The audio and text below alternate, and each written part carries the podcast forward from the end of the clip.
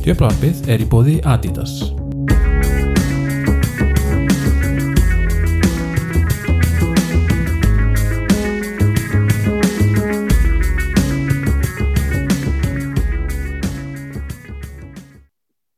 Velkomin í 87. þáttan á Djöflarpinu. Ég heiti Maggi og með mér er Þorsteinn Já, góða kvöldi. og Daniel. Sælir, Eh, Ennina ferðina eru við með Djöflavarp og tvo leiki til umræðu.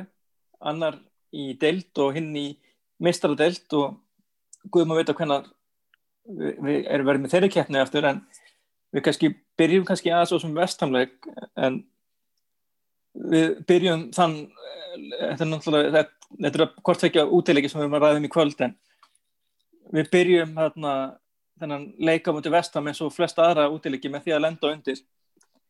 Og hérna þetta var næ- næstu því jafn lélegt og mútið sáþántun nema að þeir eh, leiða ein, bara með einu marki í hálfleik. Og maður heldur sér ekkert í gangi en svo kemur annarlið inn setna hálfleikin og og hérna og endanum verður þetta öryggur sigur. En ef við byrjum kannski þér bara þorsteinn þarna þessi vestanleikur hvernig þarna þú horfður á hana leik Já. Uh, það var bara, eh, eins og þessi fyrir hálfleikurinn við hefum þess að geta verið þrjú, fjögun og lundir. Það bara, maður sá bara þegar Haller rann á raskati fyrir opnum mark. Þá var maður svona, já, já, þetta, þetta, geti verið, þetta geti verið núna að fara að snúast.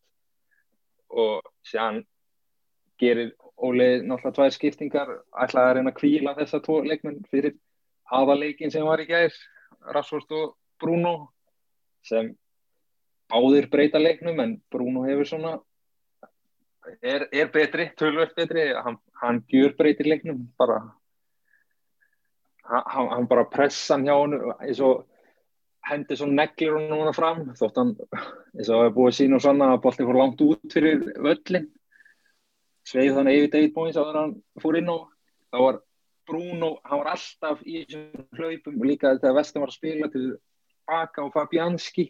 Fabianski var svona alltaf bara að taka tötsi og alltaf að vera rólur en þá var Bruno alltaf mættur í andlitið á hann um annað heldur en var í fyrirháleik þegar, já, Marcial var til dæmis inn og en já, Bruno breytir bara leiknum og síðan kemur Mata, hann hann heldur áfram að matla á þessu tímabili. Hann, hann stendur alltaf fyrir sínu.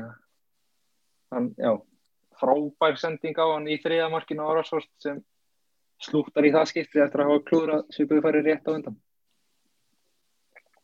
Og bara, hvað, er þetta ekki fjóruði sigurleikurinn í röð í dild ágændi skriða okkur þar annað en annars þar. Já, við hérna fyrir mig, fyrir mig þannleik rétt bráðum en, en Daniel hérna þetta er núna annar deildaleikun röð sem á útivelli sem að Solskjær gerir bregst rétt við aðstæðum og skiptingarnar virka. Þannig að og svona, svona karakterinlegin vera, vera, meiri heldur en undir Mourinho og Van Gaal. Þeir eru svona vera, vera svona barðuglegi meiri svona liðir reynir að koma tilbaka og texta bara glettilega oft já, En er, þe- en er ekki svolítið ágefni að þetta sé gegnum gangandi í nánast öllum leikjum hjá United núna undanferði? jú, það er það svo sannarlega. Það er alveg óþúlandi að, að hérna, liði get ekki verið það sem maður kallar proaktiv í staðin fyrir reaktiv. Það er að segja að, að þeir taki ekki bara frumkvæð og yfirhöndina í staðin fyrir að þurfa alltaf að bregðast um mótlæti og það, það getur bara ekki gengið í hvert einasta skipti sem að kom svo á daginn í Þýskalandi í gær að, að hérna, grafa sér hólu og ætla svo klifra upp úr henni. En í þessum vestamleika þá breyttu bestu leikmenn liðsins Bruno og, og Rashford algjörlega leiknum eins og, og Þorsteinn sagði og að þeir gerðu það samt sko að mér fannst ekki strax. Komu inn á og það kom, kannski ákveð svona urgency í þeirra leik en Vestham hefðu samt geta bætt við alveg fram að jöfnamarki Pogba sem var ekkert eðlilega flott. Fyrir utan að það var náttúrulega kóla ólögulegt það sem að boltinn sveiður Móis og Móis hefur ekki getað skallað hann upp í stúku og hann hefði getað hoppað nóg hátt. En, en hérna eftir það þá fannst mér þetta aldrei spurning. Þá var eins og hérna þá var eins og Vestham reynilega bara brotnaði. Og þegar Greenwood kom okkur yfir því lít mark hjá, hjá stráknum sko. Tejes lúðra bara bolta inn, inn í tegin eftir gott spil fyrir utan hann þar sem að Bruno var að sjálfsögðu involveraður að þá þarf Greenwood einhvern veginn að taka á mótunum á lofti og leifir honum að fara hátt upp áður en hann sko neglir í hann sko á hárjættu augnablik. Ég veit ekki hversu margir væri færir um þetta undir pressu hversu margir leikminn í heiminu væri færir um þetta. Þessi móttaka er rugg.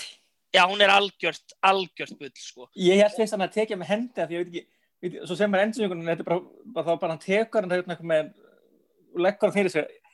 En þú veist ekki svo er það bara, ég bara það er enginn svona góður nefn að nota hendina þetta ég var sko sannfarður saman endursynningu sem betur fyrir ekki ekki Sem betur það, ekki. það var elskar okkur það mikið að það er nú örglega verið hægt að fiffa það veginn fyrir okkur. Já, já, við erum það í vassunum en, en svo náttúrulega þetta þriðja mark líka special one kom inn á og, og hérna eins og Þorstein sagði skilaði sínu. Og hérna Rashford hefði reynda geta verið búin að klára leikinn fyrr sett hann í stöngina eftir að Bruno sett hann í gegn. En hann vildi halda spennu í leikum aðeins lengur. að frábár sókn og hann runni bara húttu óheppin að skora ekki, hann gerir henni allt rétt þarna í þeirri já, stöðu. algjörlega. Bara ma og, og maður alltaf bölvaði, bölvaði þessu í sand og ösku á þeim tímapunkti þar sem þetta held náttúrulega vestam inn í leiknum. En, en þeir heldur bara áfram að hérna þrýst á það og, og verðskuldu þetta þriðamark ótrúlegt en satt. E, e, svona útfráði hvernig leikurinn spilaðist eftir að United jafnaði leikin en heilt yfir náttúrulega Vestam hefði geta verið fjögun og lifir fyrir, eftir fyrir áleikin. Við vorum ekki, við vorum sko, við vorum valla áhörvendur. Það var eins og verið spilaðan leik með lokuð augun. Pogba, það var líf, líf, lífsmark með Pogba en restin var arvaslög. Ég, sko marki, markið sem er skora hérna vestan er alveg skellulegt mark að fá á sig Já, þar náttúrulega gleymir Alex Telles sér gjörsamlega. líka fast leikatrið, eitthvað sem vestam United e- eiga bara að vita að þetta er allt sett upp og líka þetta gerist, þeir setja á næstöngina alveg eins og markið sem við fengum á mótökum út sándum þegar Bentarek skorar þetta er greinlega einhver veikleiki sem aðri sjá að hendunum á næstöngina og allavega þetta búið að gerast tvoleiki rauði deilt hvort að þetta er áhyggjefni hvað við erum að fá mikið af mörgum á okkur úr föstum leikatrum og síðan úr krossum sem var heldur betur í mistaradildinni þannig að varnalega þá er þetta viðverðanabjöllur og síðan líka með Bruno tölfræði sem segir bara það hversu mikið hann breytti leiknum. Hann setti einhvað met á þessu tímubili yfir flest sköpuð dauðafæri eða hvernig sem það er í, í leik og hann spilaði 45 mínútur og það voru 8 þannig að frábær. Og síðasti, síðasti leikmaður til að gera, gera þetta var West Bromwich Albion góðsögnin Jason Kumas. Veit ekki alveg hvort það er sér á sama leveli en, en þeir eru allan að báði búin að afreka þetta. Áttasköpuð færi á 45 minnum sem er magnað. Og þetta Kevin De Bruyne er búin að spila í í hvað, fjór-fimm ár? Já, hann er alveg bara það er náttúrulega bara vandamálið við liðið að þeir, þeir geta ekki án Bruno Fernandes verið. Ef hann, ef hann meiðist segjum hann meiðist bara í byrjun februar, bara þegar janúarglukkin lo, er lokaður þá erum við bara dauðadæmdir.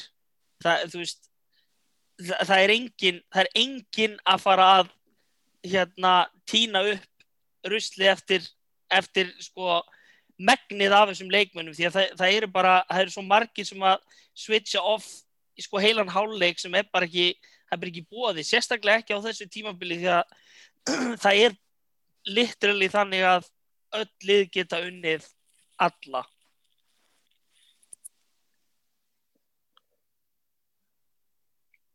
Já, algjörlega, algjörlega. En, þú veist, nokastæðan var náttúrulega að þetta endaði hérna Örugur 3-7 og United eins og stendur í hvað fymta seti? Er það rétt að vera? Jú, ég heldur sem í fymta seti. Við erum allavega... Ja, við, erum í, við erum í sjötta eftir mánudagsleikin, Sáðhóndon vann Brighton. Já, Við erum með leiti góð á öll liðin fyrir ofan okkur og ef við gerum ráð fyrir að við vinnum börnlegi í þeim leik sem við eigum inni, þá hvað, þá erum við jafnir Chelsea af stigum sem er í þriðarsæti. Þannig að við værum í fjóruða ef við gerum ráð fyrir því, en maður gerir ekkert ráð fyrir neinu í þessum bolta. Chelsea sem er markatöluna 14 og við erum markatöluna 2. Við erum 2 Já. pluss, þeir eru með 14 pluss. við Við vinnum erum búin bara að vinna okkur börnleik aðeins inn síðan tóttina leikurinn var, þannig að þá vorum við í einhverjum herfilugum mínus, sko. Og, og, og, og, og gaman að tala um það að hérna, neikvæði og, og varna sinna Mourinho er með markatöluna 14 sem er með hæstu markatöluna ásand Chelsea í dildinni. Já, þar hjálpaði, Þannig að, hjálpaði gjafmildi Manchester United verulega. já, algjörlega, algjörlega. Og hérna, Hann er, meir, hann, hann er líka eiginlega með svona tvo gæjar sem eru eins og Bruno. Það væri já, að hafa allan jafn mikla áhrif sóknarlega í sínu liði. og, og, og, og ég eppil þrjá ef að Eriksson er að koma aftur. Þannig að, þannig, Já. Líka eins og með Bruno, manni finnst hálfa ótrúlegt, veist, stundum finnst maður að hann vera slakur í leikjum en síðan á einhverju bara á tímapunkti í leiknum þá kemur hann með sendinguna eða skorar markið sem skiptir öllu. Algjörlega. Og það líka og- sko... mér, mér, mér, þú veist, mér fannst það kristallast í hann að Brighton-leiknum sem vannst hana fyrir rest. Eftir að hann var búið flautan af. Að, þú veist, mér fannst hann ekki spes í þeim leik. En síðan já, er hann það sem skilur á milli. Algjörlega. Það líka það er- sko hérna með Bruno Fernandes að, að maður var búin að lesa svo mikið um það á Twitter að hérna hann gæfi boltan svo mikið frá sér en það eru yfirleitt sendingar það er yfirleitt ekki þessar einföldu 5-10 metra sendingar á næsta mann sem er að klikka heldur þegar hann er virkilega að reyna að láta eitthvað gerast þegar hann er að reyna að setja einhvern í gegn eða, eða krossa eða, eða bara búa til eitthvað. Þetta er bara, þú veist, það sem að þetta- Giggs gerði, gerði allan seinni hluta fyrirsins, það var basically fáboltan, snúa hver í hlaupi og reyna að, þú veist Já, opna er ennbla, það er ennbla stór munu þar á þú veist, þannig Pogba er að klúra svona einföldu sendingum en þetta er yfirleitt sendingar frá Bruno inn í teig og stór hérna að finna þá Rashford, Martial, Cavani og, og, og, og, Green, og Greenwood eh, basically uh, sóknar minnum okkar. Þannig að eins og- ég sá það er en er neina bara- statíkina yfir það að akkurat þessar sendingar sem er svona framásendingar sem eru svona úslita sendingar þannig séð, sem eru alltaf fram á við. Það eru raun og veru 3% sendinga í hverjum leik sem gerir, þú veist þessar sendingar eru ekki margar í leik en hann er sá sem vill gera það oft og gerir það í flest öllum tilvikum vel. Og líka rauninni nánast eini leikmann í liðinu sem að fyrir þetta kannski vandi back en, en það er kannski átt að reyna meira á hann. En ég held að við erum búin að reyna, uh, komast þetta ekki hjá því að venda ykkur í, uh, í leik gerðkvöldsins yes, Þarna- loksins. RB Leipzig. Allir búin að býða eftir þessu. Úf Byrjum hérna. Ég var á leikskíslu hérna í ger og hérna fór að hafa verið lágingur þegar ég þegar það byrta byrnulega og ég sé að ég sé strax að Alex Telles og Luke Shaw eru báði í byrnuleginu ég sagði, ha, byrju hvað? Og svo fyrir að skoða betur. Og það, að nei. Svo segi ég hérna McTominay og Matits líka.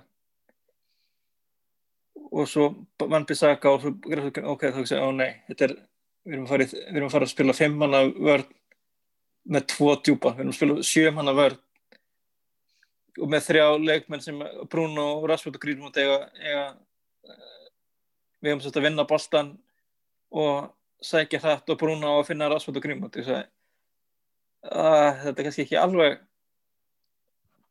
sem maður vil sjá.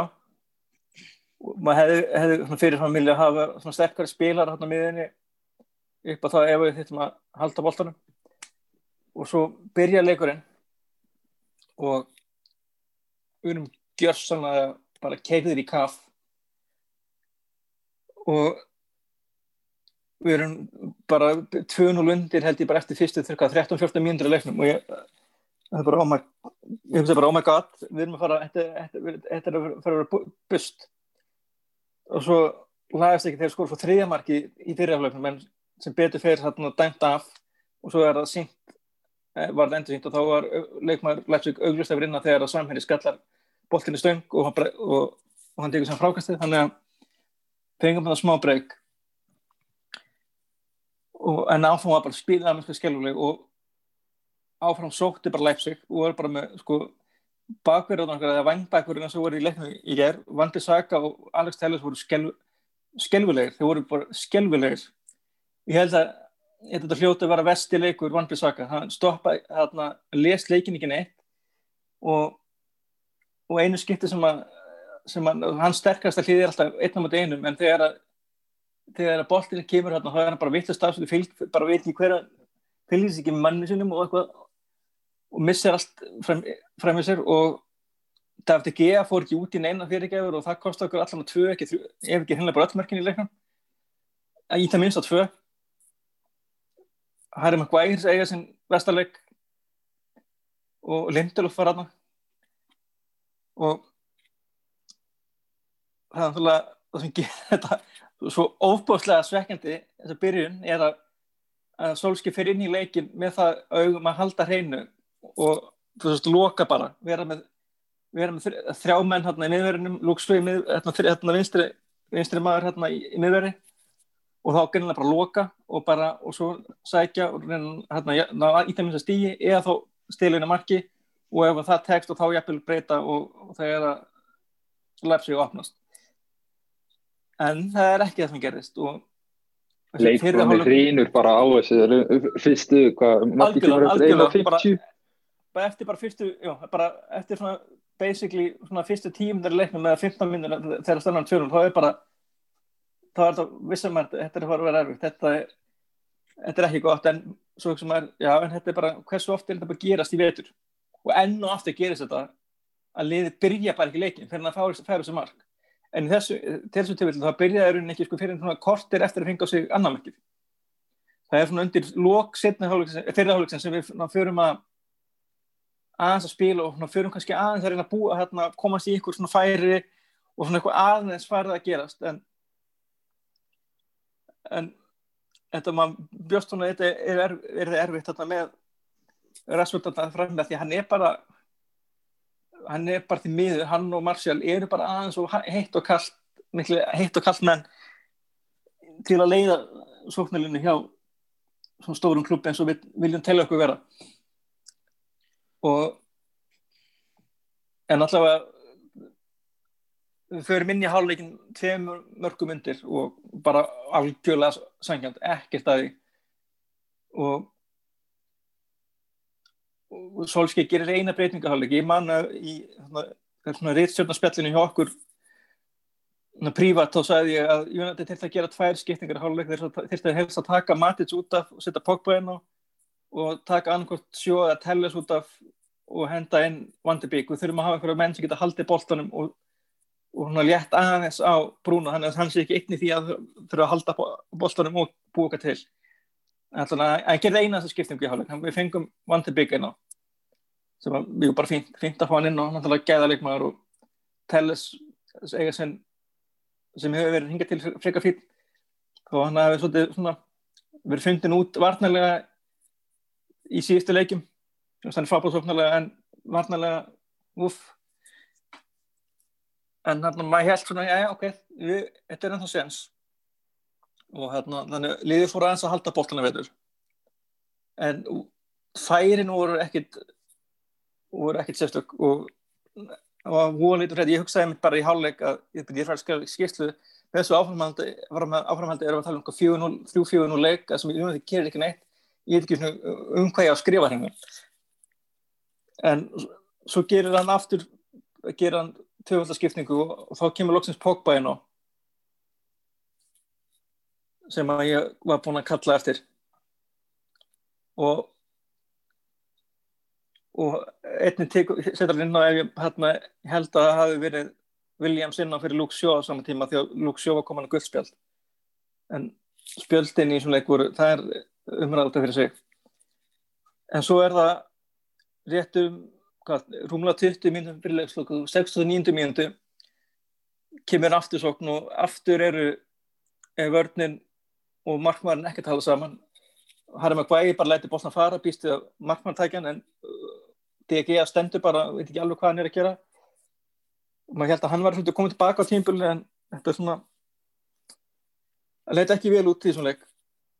Og núna staðan og, og Klævert skoraði, ekki svo Klævert þetta er hérna, þeir eru mikið því hollendingarnir að vera með síni fyrir um stjárna en hann er held ég á láni frá Róma frekar hann hefur seldur, ég er samt ekki alveg kláraði en Djóstin Klævert kemur leginu 3-0 og raunnið að þessum punkti í leiknum þá verður henni ekkert að frétta sóknulega United og þetta leitur fyrir að vera ákveð þetta er bara, nú er, núna fyrir að vera inn að sækja og þeir skora bara meira. En Red Bull eða Leipzig ég veit að Bjössi vill ekki að kalla það Red Bull það, en þeir eru Red Bull, hitti bara feik til að, að koma fram í einhverju reglum en, en það dróði hans á þeim. Þeir voru, þeir voru búin að spila það fast og voru búin að spila það hrætt og, og snart í fyrirháleiknum og, og svona fyrir fyr, fyrsta kortir eða fyrstu svona 20 minnar í setnafleik að það var dróða eins aðeins og og svo fengum við hérna tvær skiptingur viðbót og Fósu Mensa kom inn á fyrir kom inn á fyrir hérna Vandi Saka. Og Lindulega fer af elli og inn á kemur Alex Tvansvepi og eftir þessar skipninga þá svona varnarlega eru við áttum fyrir eitthvað solid en það voru lefsikt menn bara þurftu ekkert að gera neitt meira í leiknum. Það var nóg fyrir það bara að sitja tilbaka og, og bara loka og svo bara senda bóltan hrætt fram. Og vonast til að í það minnst að tegja leikin eða þá mögulega bara styrkja stöðun ennþá meira. En svo er dæmt vítaspilna með hjálp var og ég hérna er ekki alveg á þetta að hafa endalega verið vítaspilna en ég, svo sem slækit hendur á móti Þetta var bara ekki víti. Þetta sé bara einfalda svarið. Þetta var svona, þetta var já, í það minnst að örgulega ódýrsa vítaspilna sem við hefum fengið. Síðan, og spænst víti. Þetta var mjög spænst víti, meira svona, svona þetta er svona Real Madrid vantandi mörg í Európa-kjefni Víti, eða Barcelona. Hann var líka spanníóli á flutinu þannig að þetta helst allt í hendur. En þetta, veist, hann var skelvölu þessi dómar var skelvölu á bóða bóða og síbróta menn hjá ég held að ef maður rétt að það var heldur brotin í leiknum voru sko Red Bull voru með 15 brot við með 5, við fengum 4 gull og, og þeir heldur 2 hérna Kevin Campbell ekki, ekki fyrirhundi ekki fyrirhundi Arsenal maður heldur Campbell KMPL var búin að braut, braut þessilega fyrir leiknum, ég held að maður ekki hvað nátti mörgbrúti í setniháleik áður maður tekið út á án sem fá eitt spjald í leiknum þannig að og meðan það er Brandon Williams fyrir, fyrir sítt fyrsta bróti leiknum bara beint gullt þannig að þetta var svona, þetta var svona mjög, mjög þetta var áhugaverð domgjöldsla en í það minnst að þá fáið þetta viti og Bruno tekur það mjög öruglega því líka stáltöður hann er ekkert eitthvað svona bara hann bara tekur viti sem tekur viti, hann er ekkert endilega að fara eitthvað svona að sæka sig út með, hann bara gerir þetta sem hann vanur að gera og skora það öruglega og svo tvei myndu setna þá skoruðu aftur.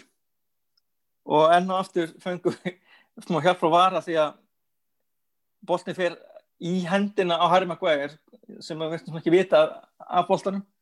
Þannig að, ásetningur er ekki neitt.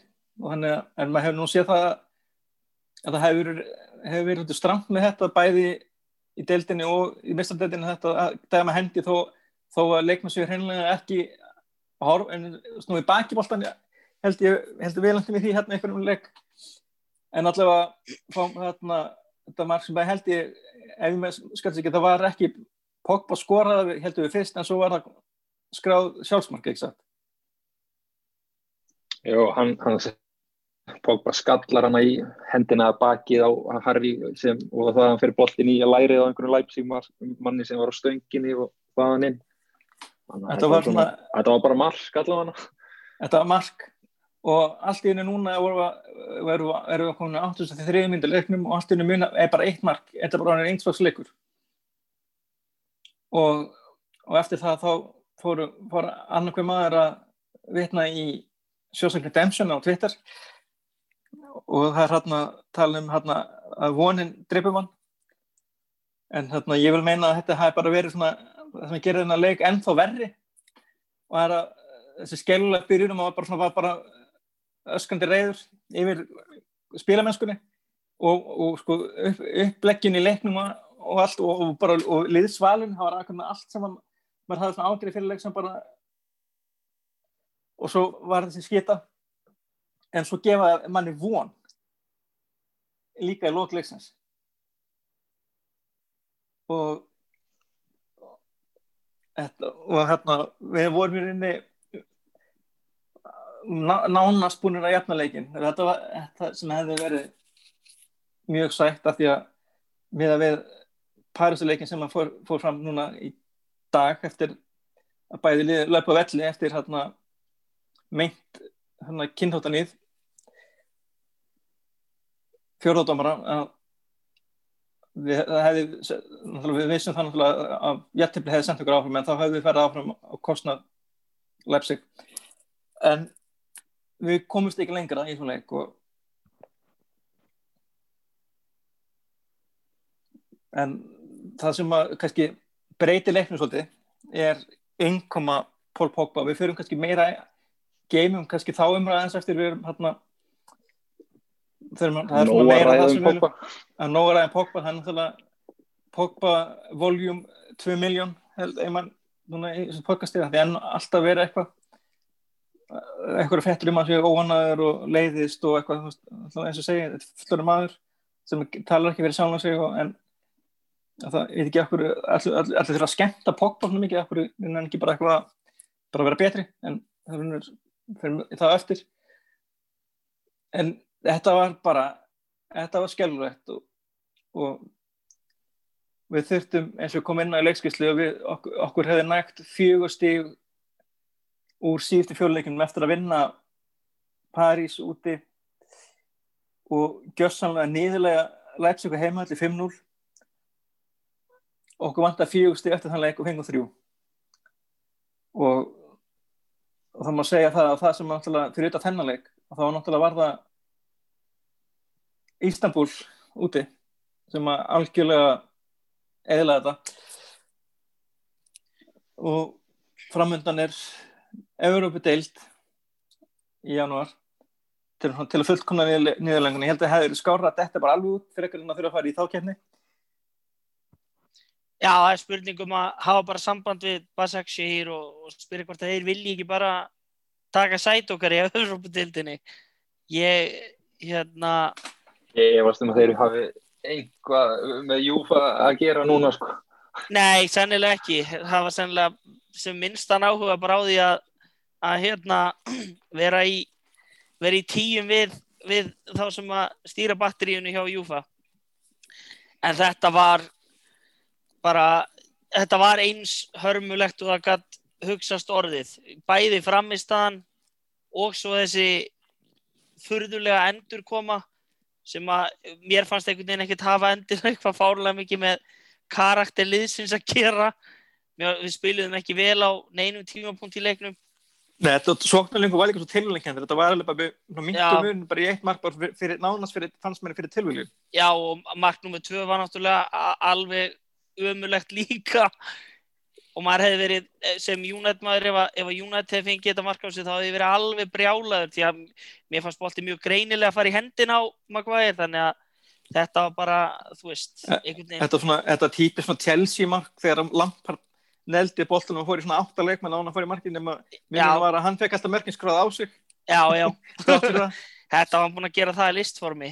Það er bara svo leiðis en hérna þessi uppstilling þú veist, hafði virkað á móti PSG sem eru betra liðheldur en Leipzig. Um, og manni fannst einhvern veginn að við hefum kannski getað tekið með okkur smá sjálfströst frá leiknum á Old Trafford þar sem við gjössanlega pökkuðum þeim saman.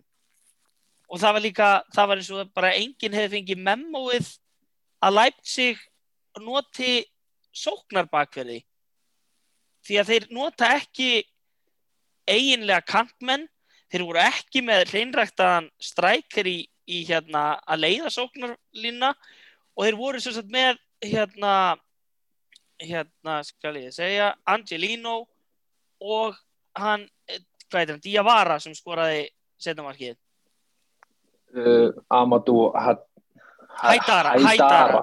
Haidara, já, ekki Diawara. Já. Haidara, að hérna ha, ég veit ekki hvað Angelino er komið með mörg mörg á tímvilinu en hann er auðvitað bara sótt hérfasti vinstri bakverður Evrópu En sennilega, ég hann skuli ekki geta, hann skuli ekki fá pláss þarna, hann er sennilega besti vinstribakum í City.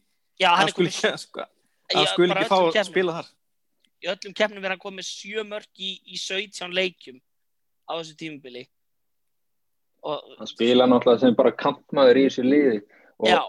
það hefði ekki átt að koma óle á, á óvart að það, þeir væri að spila þetta þrýr, fjórir, þrýr, þrýr, hvað, fimm, tveir eða hvernig sem það er, en veist, þeir, þeir yfirfylla miðjuna sína, eins og þú segir, þeir spila ekki með neinn eiginlega framherja, þetta eru allt svona sóknar sinnaðir miðjumenn raun og veru sem eru hana þrýr fram á við hjá þeim. Og séðan eru þeir með þessa vangbakurinn sem fara bara eins hátt upp og bara þeim er sagt sem er bara alveg upp á endalínu nánast mhm, og á meðan erum við með fimm flata og, og tvo á miðjunni og Bruno þú veist, hann var, var ekkert mikið að detta niður.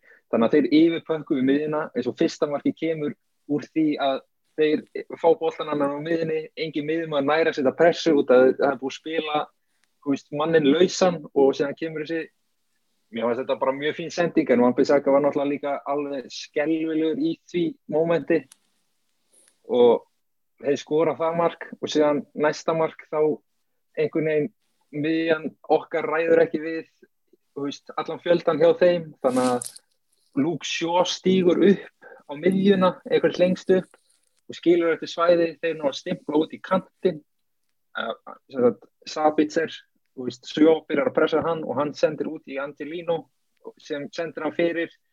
Þar sem hann að Alex Tejes er búin að þjætta inn til þess að verjast nær markinu og þá skilur hann Steinmann eftir sem skorar markið á endanum. En hann var að fylla stöðu sjó sem var komin langt út úr stöðu sem er náttúrulega líka katalógur út af fyrir sig, akkur er Luke Shaw startaði hann að leik komandi úr meðslum og hann þarf alltaf sínar sinn svona mánuð til þess að koma tilbaka úr meðslum Af hverju, af faxinu hverju, og öllu af, ruglinu. af hverju er ekki, af hverju er hann hann ekki, er hann ekki hreinlega bara með tvann seppi hérna inn á með? Ef við- okkur vantar eitthvað snöggan og hann enda Átti frábæra leikinn leik með móti París. þrjá, hann alltaf enda leikin líka með þrjá nýja varnamenn Brandon Williams kemur inn á uh, Tvansepe og síðan þegar ég var að skoða fyrir leikin hverju var á bekknum þá svona rúlaði og það er mjög margir á bekki meistardöldin bara, ég held að listin myndi aldrei enda og neðstur á listanum var Fósum Mensa ég bara, já ok, það er bara auka sæti í flugvélinni.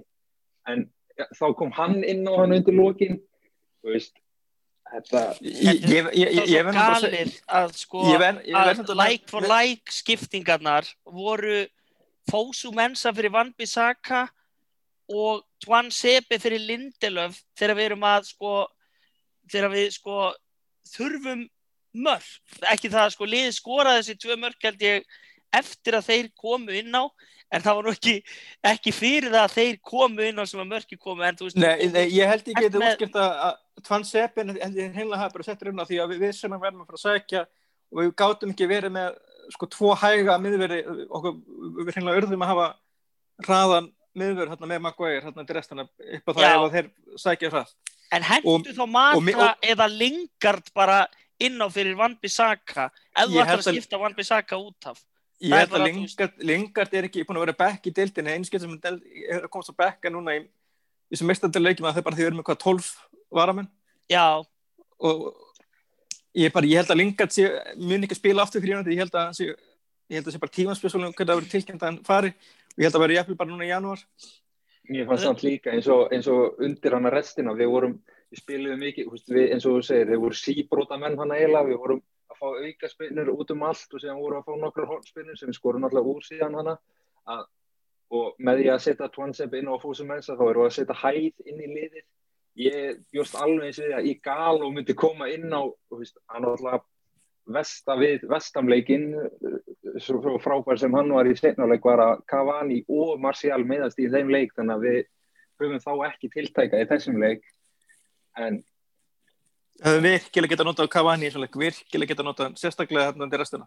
já, Eða- þannig að þegar að, þegar að Konjati skorar næstu í þetta sjálfsmarka, þú veist, þetta var bara, var ekki Pogba sem átti fyrir gjöfuna. jú, Þetta var bara, innkasti og kemur sér í frábæra stöðu hann var Akkurat. frábær í þessum leik en, ha- þetta var bara, þetta var, svæ, þetta bara var bolti inn á Cavani svæðið. Það bara var ekkert flóknar það.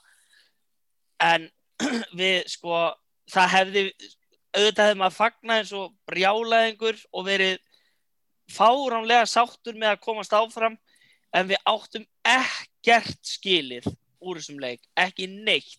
Og, Nei, við, og, og við höfum sko líkunar á því að mæta bæjarn voru alveg svona þokkalega miklar í ljósið þess að öll hinn ennskuliðin vinna sína riðla held ég. Þannig að eh, sko við höfum alltaf mætt góðu liði í, í hérna sextálega úrslitum og það ég bara held að við fengið annað reality check þá. Þú veist bara bara til þess að sína, sína okkur hvað við vorum hvað við erum langt frá þessu ennþá. Alveg eins og þegar við mættum Barcelona hérna 2019 sem var ekki eins og það gott Barcelona lið þeir ekki svona bökuð okkur á nývangi. Þetta er bara þetta er svo erfitt sko þetta er svo leiðilegt að eins og, eins og við töluðum um að þú veist það er vonin sem að drepa mann og, og þeir eru alveg ótrúlega magnaðir í því með, með hennan óstöðu, óstöðuleika sinna að taka eitt stórt skref fram á við en tvö jafn stór skref aftur á bak síðan í kjölfarið. Þetta er eins og hann tryggvi hérna sem var með okkur, hann tala alltaf um að þetta er, og þetta er svolítið vel við bara við United, það er að það er alltaf tvö skrif áfram og eitt aftur á bak. Það er, það er eitthvað gott sem gerist og það alltaf eitthvað svona, kemur alltaf eitthvað reaksjón. Og þetta er búið Já. að gegnum gangi, þetta, er ekki bara, þetta er ekki bara vandamál með Solskjaer, þetta er búið vandamál með Mourinho, þetta er búið, þú veist, þetta, þú veist, jú, kannski er hérna liðsfæli, kannski yfirlendingin, en, en þú veist, hvað, hvað, hvað hérna, hvað getur maður gert með þetta lið? Það er líka kom á, á, upp á daginn og, veist, í byrjun tímabils voru við mjög sátti með hversu Óli Gunnar gæt verið flexible í leikjarum og svoleiðis en það er bara kom á daginn og, veist, það er ekki stöðuleiki að vera með nokkuð leikjari sem þú ert ágætur í. Eins og í þessum leik af hverju, af hverju kerfi sem hann fílar best er þetta fjóri, tveir, þrýr, einn sem, hún- já, sem hann spilar, vill, að spilar oftast þegar allir eru liðtækir en hann spilar þetta og veist hann, veit að miðjan hjá þeim er yfirfull hann spilaði tígul á mótið þeim í fyrirleiknum þá mattsa hann þá í því. Á meðan núna skilur hann eftir tvo og Bruno á miðinni og já veist, þetta gekk á mótið PSG sem er sóknar lið og, veist, og þeir spila ekki með svona marg á miðjunni uh, já, yfirfylla miðjuna ekki eins mikið og eru náttúrulega ekki með jafn duglega leikmenn fram á við í varnarleiknum. Þannig að þetta var já, glórulegst fannst mér að fara með þetta leikkerfi inn í hennar leik. Jújú, jú, það hefði verið fínt. Maður bjóst við náttúrulega, þau myndu halda þú veist, ef hann setur þetta kerfi upp til að halda út bara að fá ekki mörg á svona eitthvað, en síðan fáum marka okkur eftir tvær mínútur og mér fannst þess vegna sérstaklega að hún konar í 2-0 undir og séðan fáið þriðja marki á okkur sem er dæmt af hann er í fyrri áleik að af hverju, hann, hann hefði átt bara að reakta í fyrri hálfleik heldur hann að býða til hálfleikins fannst mér nánast að þetta er, þetta þetta hefði ekki þetta að fara svona, margfald verra þá þetta er bara svona gamaldags hugsun að, að, að, að alltaf að reyna að komast hjá það að gera breytingar í fyrirlöku. Ég held að það sé náttúrulega leifar því að að það hérna, voru alltaf bara þrjár, skip- hafa alltaf verið þrjár skiptingar en núna í erbjörnum eru eða erum við eru fimm. Og flestin til dæmis nema ennsku að því að, að því að einhver liðið þarna eru vælikþjóðar og, og, og, og, er ekki að spila, og er ekki að spila 60 okkar leiki eins og stóru liðin. Við erum að spila miklu fyrir leik, leiki þau, liðin. Og er leikjar náttúrulega líka spurning hvort að við hefðum verið með aðra uppstillingu ef, ef að Pogba hefði átt að vera að byrja sem við vitum ekki hvort hann hefði átt að byrja en eftir það sem gerðist hvort hann datt út úr liðinu út af því eða hvort hann átti aldrei að vera í liðinu. Með meina með að við tölfran og hvernig hann spilaði síðaleg og það hérna, held ég að, að það hefði verið heimskulegt að hafa- vera ekki með að plana það að byrja honum. Þú s- spilar ekki mönnum í stuðu og hendir um svona bekkin það, Nei, það er það ekki er lí- vænlegt. Það er líka annað sko að þú veist hann þurfti hvort þið er að kingja stoltinu og setja hann inn á.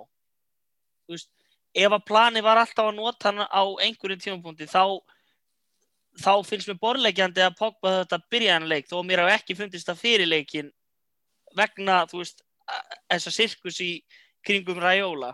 En ef að Solskjær hafði alltaf planað að nota Pogba en alltaf að senda einhver skilabóð með því að byrja ekki með hann inn á Þú veist, þetta, sko, ég er náttúrulega búin að tala Matic niður hérna leik eftir leik eftir leik og ég verð bara að gera það aftur. Hann, hann er gjörsamlega búinn. Er, notagildið er ekkert.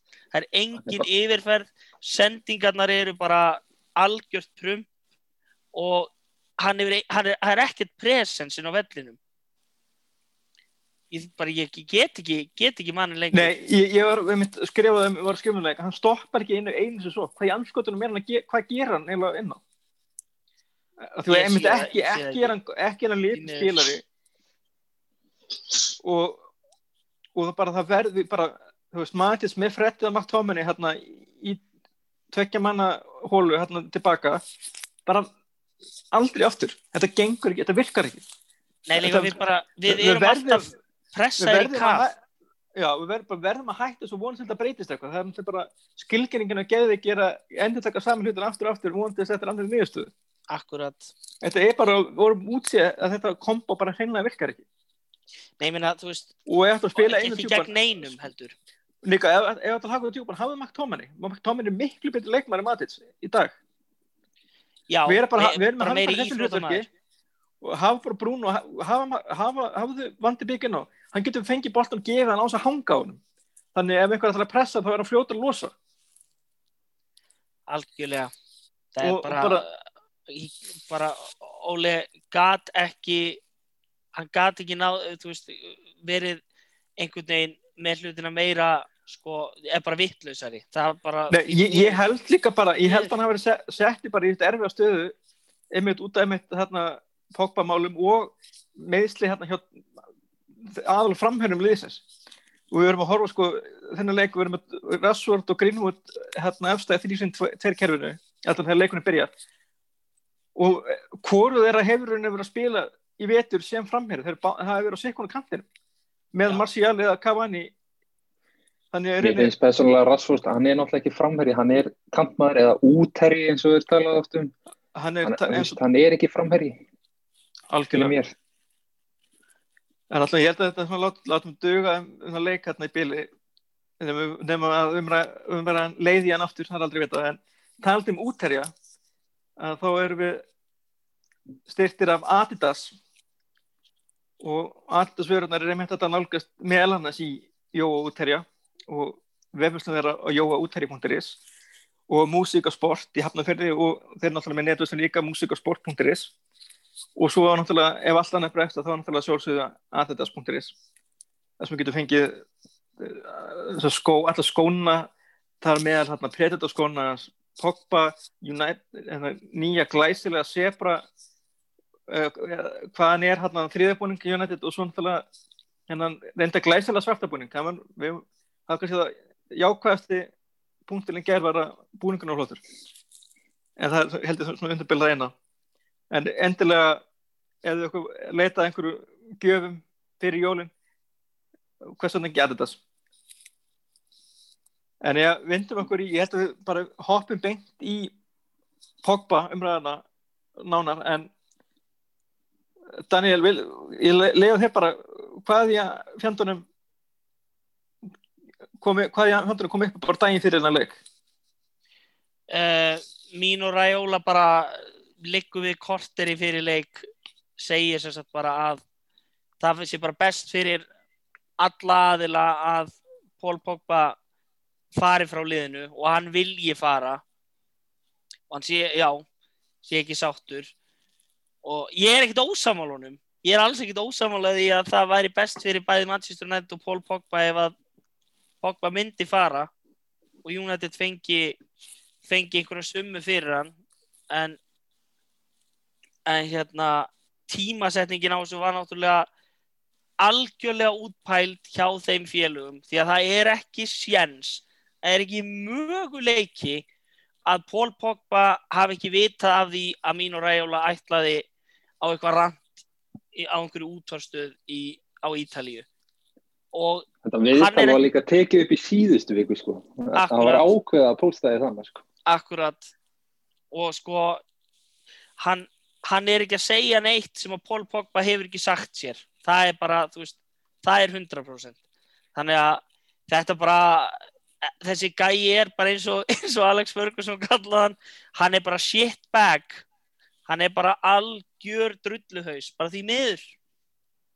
Því miður bara þá er það bara þannig með suma gæja, þeir eru bara eru bara rassvísar uh, og bara því fyrir sem að Pogba fer því betra. Og það þarf ekkert að vera í slæmu endilega því að þú veist, mér líkar ekkert illa við karakterinn Pól Pogba en, en þetta bara þessi trúðalæti hans hérna, hérna Raiola og, og svo köplum hans og bara óstöðuleikin og þú veist, ég bara ég vil hann bara burt því miður og bara gangjur um vel Já, ég, eða, eða, eða ekki, mér gæti ekki verið mér svo. Nei, ég meina, þú veist, ég, bara, ég hef ekkert á móti Pogba. Ég, ég bara hef svo gerðan viljað að þetta hefði allt saman gengið upp, en þetta bara gerði það ekki.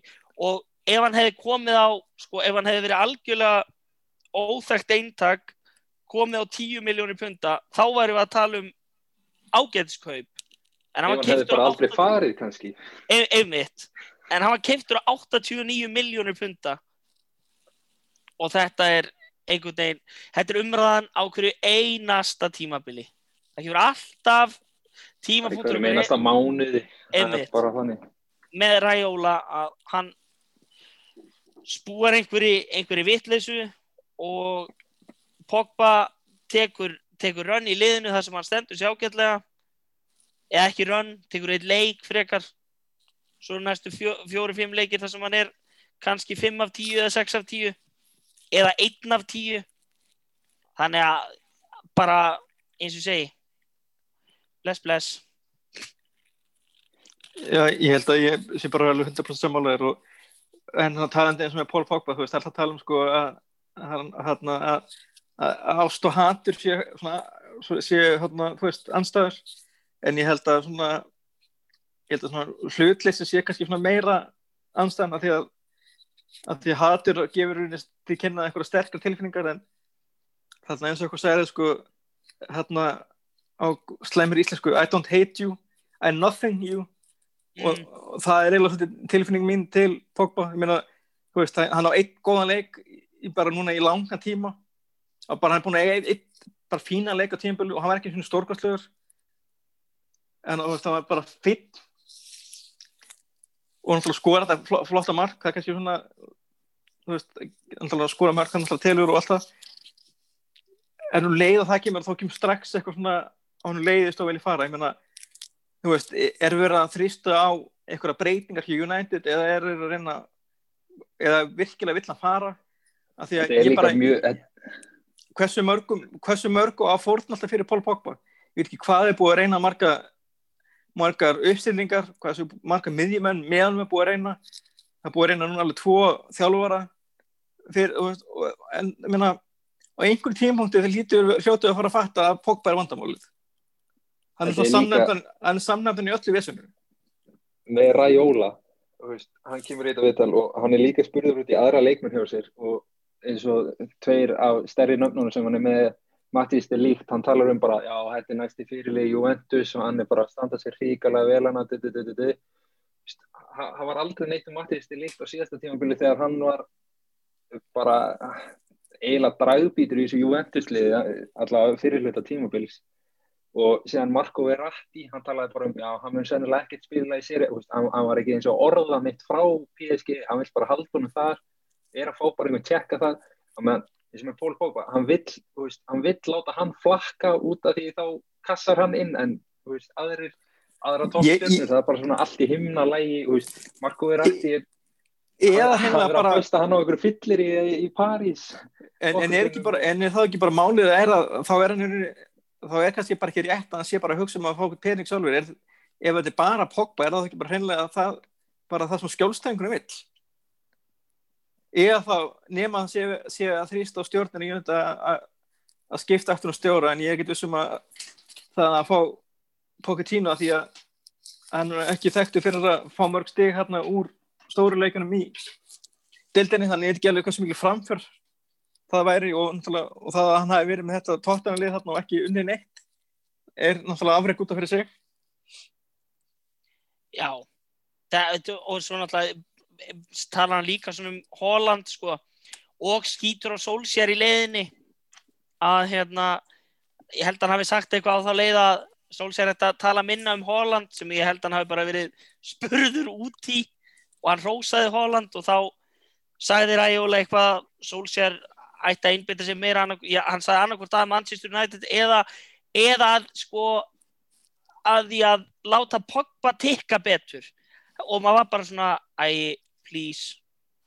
Einu sinni feitabólaði nennur bara að hætta. Bara ekki bara ekki, please.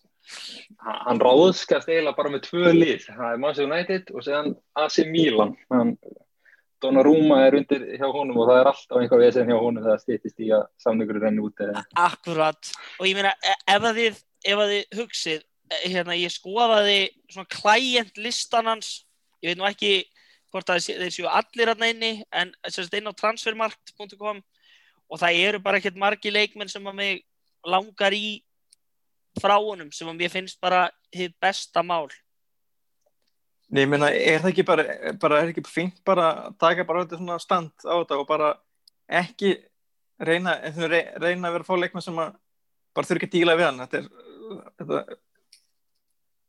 bara þessi, þessi, þessi róki og þessi stælar þetta er bara, er ekki að svirði Já, mér finnst það. Það er bara Mourinho sem hefur keift einhvað á Raiola.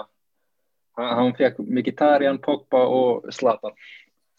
Já Þetta segir þetta út ef við tölum um að tala um að útvart vera svona eitthvað svona player á markaðurum en það er bara því að hann kemst eitthvað svona umbásmenn tala við hann og hann kaupir leikminn allt dýrt og þetta var fyrst var það Jörgur Mendes þegar mann galva með lið og þegar Mourinho kemur þá var það gerða það með, með var það Mino Raiola. Þú veist þessi, þessi maður þessi sérum leikmannakaup er algjör bara trúður og hann reynir getur ekkert gert með þessu umbásmenn að leiða þessu áfram og, og enda alltaf að borga alltaf jafn mikið eða ekki meira heldur en liðið vill fyrir leikmenn. Við höfum ekki, eina skipti sem við, við höfum náða að negósiata eitthvað. Að einhver, að einhver svona viti það var þegar við Alex Tellis við kæftum, ég menna en svona, veist og það tók líka áratug að klára að því þið viltist Já, en það, það, það er líka bara það 2020 og tíminn er alltaf það tók, það tók nú samt bara einn glukka og hann alveg tekur það aðeins fleiri glukka Já, gef, við, skulum, við skulum gefa Matt Jöts það hann, hann náði þessi einum glukka og, og það er margt svo fyrðurætt en svo hérna, Djetan Svanko, ég menna, alltaf ekki segja mér og ég hef ekki geta nota hægri kantmann eins og leiki gær. Og ég er að það geta verið þá með sko eitthvað skonar fjóra, þrjá, þrjá með þá kantmenn sem geta þá droppið tilbaka til að styðja við bakverðina sem hefði hjálpað rosalega í svona leik Já, Sandsjó líka getur bara að spila þess yfir alla sóknarlínuna. Og, og við erum að tala um sko að liðið er eitthvað bara lappar út og viðrað með að bara slítið eða leggur ekki út af einhverju nokk örfa miljónum. Þetta er svo gössanlega absúrt. Já, þegar við komum einhverju upp að alltaf þá að vera með einhver prinsip en við erum samt með sko að það að Harry Maguire að kosta 80 miljónir punta er bara, ætti að vera sko, ætti bara að vera rannsaka peningaþótt og, maður held að David Lewis á 50 miljonir til Parísar hafi verið hérna fyrirlegt, þá er menn með allt og allt, þá er lítið svo upp að alltaf bara verður og verður út. Já, mér finnst þetta bara struktúrin er náttúrulega bara eins og hann er og við, við komumst í rauninni ekkert áfram fyrir en að eitthvað breytist þarna við, við erum bara við erum bara, við erum jafn illar ekki klúpur að þessu liti og Barcelona. Nema munurinn er að við erum að fá pening. Við erum með styrkindur og, svona, og, og, og það er meira peningaflæði. En, en öðru liti erum við jafn bara glór bara nánast jafn glóruleysur og uruglar leikmannamarkaðanum og og Barcelona, þú veist, maður tala um hvað dýrista leikmennar eru Musa Dembele og Filipe Coutinho. Já, og bara svo svolítið kannski ekki merkis. eins og hjá okkur í Galo hann, hann fekk áframhald á lánsamningnum og hefur valla fengið að stíga inn á grasið á þessu tímabili, en það náttúrulega kemur bara út af því að Cavani var kiptur á síðustu þremdugum glukkans og það og... sýnir bara hvað, hvað það var ekkert planað. Þessu glukki var, planið var að fá kant, hægri kantmann sem kom ekki.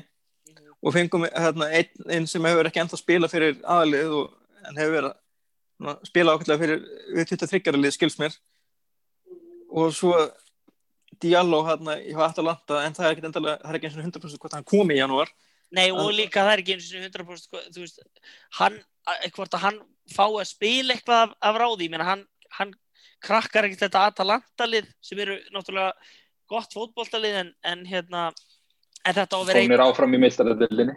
Já, einmitt. Veist, þannig að bara við getum ekki endalust líka keift til framtíðar og þú veist það Nei, sann, men... sannar sig með þessum Alex Telesköpum sem eru þú veist fín. Og þetta er ready-made leikmaður 27 ára sem var bara tilbúin að slotta beintinn í stöðuna. Já, ma maður hefði runni hérna hann var með, fekk, ég held að hann hefði fengið þessu spjaldi fyrir áleg ég held að það hefði verið eina ástæðan fyrir að hann var skipt út af það því að ég hefði nú sókt það, það er annarkort það eða það væri einhver meðislega mér fannst það persónulega hálf ótrúlegt af hvernig hann var tekinn út af en ekki sjó við víst að hann fór stöttu segn og breytti leikjörfi og setti í fjæra mann og vör en pælti að vera að spila með þrjá miðverði í svona leik og samt vald er bara ver, verjast ekki neinu og við erum bara hætnir að við erum ekki sko 4-5-0 undir í hálfleik.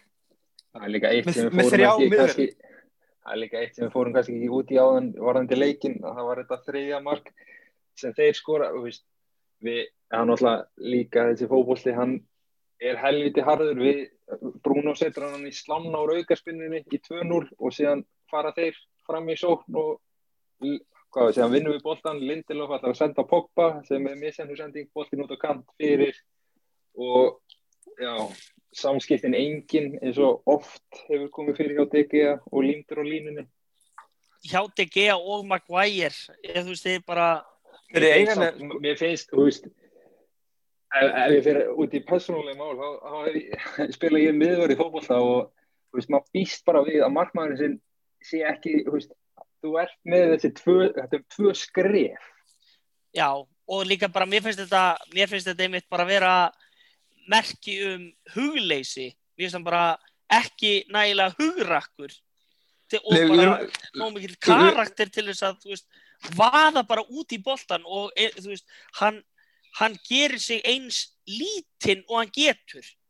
Þegar hann, þú veist, innan gæðir reynir að verja.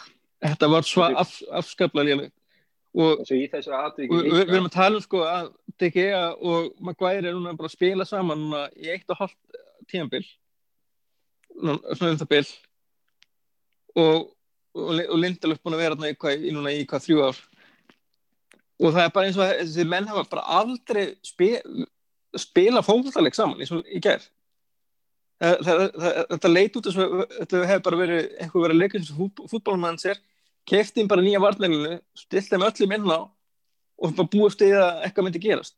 Þetta var alveg bara var svo, það er eins og þetta lið það hefði aldrei spilað saman fyrir alvegurinn var eins og þetta lið það hefði aldrei spilað fókla saman það þurfur bara einn mórálskan bara... og, og, og þetta og þessi takt, við höfum spilað það taktik áður við höfum spilað það taktik með góðum ánangri við unnum sko rústuðum Chelsea með þú veist, hvað tvísar er ekki þrísvar og síðan nýpil nánast bara með þessari taktik þú veist þannig að þetta er alveg takting sem við virka fyrir og liðið hefur spila á staður.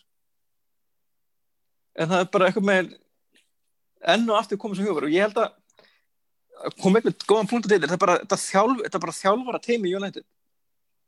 Þarna ég var til að taka bara smá umræðu um, um ekki bara sósker, þetta er líka svo menn sem er með hann, eins og eins mikið ég elska Michael Carrick sem leikmann og og Mike Phelan kom inn hérna skemmtilega þegar við unnum að hellinga leikið mjög og, og, og kýra maður að kenna en þetta tím hérna þetta þjálfara te teimi bara er ekki að virka Nei, Burt það er ekki, sko, það blæs mann ekki einhvern veginn, já, svona bara standar í brjósti, það er alveg svo leiðis.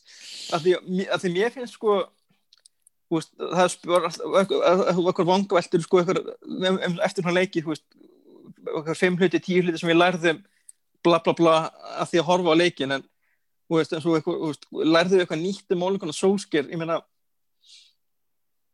ég meina nei, ég meina, Nei, bara, hann, hérna, liðið, liðið liðið er illa undirbúið. Já, var illa undirbúið og liðið gæti ekki bjarga sér fyrir hot eins og það er búið að gera í deildinni og út til öllu en það er náttúrulega með með ekki glemja því að raunni, sko, aðal framherjar liðsens og einn heitast framherjin í liðinu síðust daga Cavani náttúrulega bara er ekki með. Og svo er Marcel, ekki heldur þannig að við erum raun að spila og þó er náttúrulega Greenwood hugsa sér sko, sér framtíðar nýja en þá er hann búin að spila þetta kanti og Marcus Rashford bara er ekki framherri og maður sá það bara þetta í gær. Og það rey, var ekki að reyna en það var ekkert sem hann reyndi gekk upp. Og svo náttúrulega er hann settur út í hotna með þetta Pogba kæftæði því þú veist ég held að Pogba hefði alltaf byrjinæðileg undir aðlunum kringustafum og það eru ekkert neitt, segir sem að gætir, gætir unni samfært með annar það er alveg svo leiðis þannig þú veist, mjög hann þú veist, hann að þetta tímabil er það er búið að spilast óvenju þétt. Uh, og við erum gerðnir á að spila nokkuð leikkerfi hvort að þetta, þú veist daganir og undirbúningur fyrir hvern leik eins og veist, við spilum hún á vestanleik missum tvo leikmenn í meðsli þetta Pogba dæmi kemur uh, veist, og séðan illa, eins og segir, illa undir búnir og veist, veist, af hverju eru þeir illa undir búnir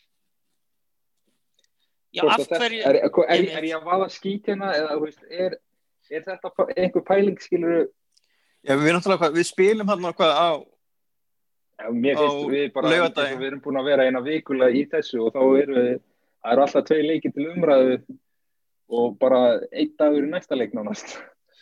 Já, Já en að samanskapið, þú veist, þá er, það er ekki hægt að tala um annað en óvönduð vinnubröð ef að þú ert ekki búin að kortleggja andstæðingana þína í meistaradeild Evrópu. Bara frá því að það er dreyið í riðlana, skilur þú. Það er ekki svo leikstíl Leipzig sem er búin að breytast eitthvað, þú veist, á undanfjörnum missir. Af hverju þurftu við þá að breyta svona ótrúlega miklu frá 5-0 leiknum?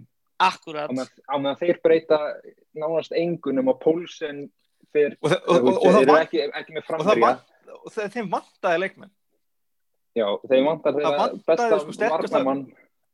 Og svo er þrýra, fjóra aðeins sem eru mittir og framherja er með COVID, þannig að ekki Já. með hérna Já, vantaði, þú veist, breakout leikmannið þeirra frá síðustu leiktíu hefur vantað undanfarnar mánuði Konrad Læmer sem er basically Já. sko, hann er pressan þeirra sko hann er virkilega öflugur svona vartantengilegur og einmitt, einmitt leikmann sem er Jónættið þetta er mögulega að skoða Já, en, við, ég er ekki þá... góði í það ef hann hefði verið inn á þá við varum pressan þeirra helviti góð Já, hún var nægilega góð. Við leistum hann allan ekki vel. Nei, með Matins og McTominay liðvilið þá erum við, þá erum við ekki líklega til afreika í, í hérna... Nei, og það er svo skrítið, það er eins og að hafa komið okkur óvart að, að, að hvernig þeir spil. Þeir spilu bara nákvæmlega eins og þetta bæinn í búnduslíkunum bara um helgin. Þetta er, þetta er ekki eins og þeir hafi verið með eitthvað svona síkrit plan fyrir þennan leik og svo bara komið allum óvart. Ég meina það þarf ekki að hafa nema að hafa hort á leiki með þenn til að búast því okkur, þetta er eitthvað sem ég reyna en ég, meina, en ég held sko taland, þú talar um hérna, undirbúningin, illa undirbúning. Ég meina, við spilum að lögadegi svo er það sunnundagur, mándegi kemur þetta helvitis viðtal út þarna, þarna með Raiola sem sprengi allt í loft og og þá eru að tala um degi, degi fyrir leik þannig að hjálpar ekki neina ekki við spilum á lögadegi, missum framherjana, heitasta framherjan okkar og síðan framherjan sem á að vera okkar aðal framherji og þá fer örgulega krafturinn í það og veist, síðan, síðan er örgulega er þeir að meta það hana, á milli þessa daga hvort að Luke Shaw sé klári þennan leik eða ekki veist, og síðan bara poppa dæmið og síðan springur þetta allt í höndunum á þeim veist, já. Já, ég, ég held okkur að hérna, ekki verið að gera neitt greiði hérna, með þessu viðtalið hérna, og, og, og því náttúrulega mista reyni báða frá mér eða, og svo en það tala samt um þetta séu svona lítið svolítið neysli og það búist það allan að Marcial og mögulega Cavani pælið eða ekki bara í næsta leik nánast. Þannig að það er ekki mikið það er nógu mitt til að ekki, fara ekki með til Þísklands það er hrigalegu tímapunktir til að missa út en Marcial náttúrulega hefur verið arvaslakur á þessu tímabili og það er ekki hægt að tala lengur um hérna, slæma byrjun, það er komin desember þannig að Desember samt á tímabili sem byrjaði segna Já, já, já, já. Uh, algjörlega. En hérna þetta er bara með Cavani er, er helst að tala um, um glata tækifæri og þetta hefði verið frábært að eiga Marcial inni og hann hefði þá sennilega komið, komið inn á ef að hérna, við hefum verið að elda sem að hefði alltaf verið hérna, staðrind málsins sem við hefum hérna, nálgast leikin eins með Cavani inn á sem ég, þú veist, ég held að Cavani, Cavani byrjaði vestamleikin og þeir, þeir byrjuði náttúrulega bara með hendur í vössum þannig að þetta er bara, þetta er einhver, einhver veggur sem að Solskjær er ekki búin að ná að klifra yfir að, að nálgast leiki rétt og byrja á rétt. Það er bara... Ég held að vandamáli er, er líka svona, við erum ekki með, þú veist, okkur vandar fleiri svona leðtoga og svona drifkraft í þetta leð svona, eins og Bruno. Okkur vandar eitthvað tanni í vörnina.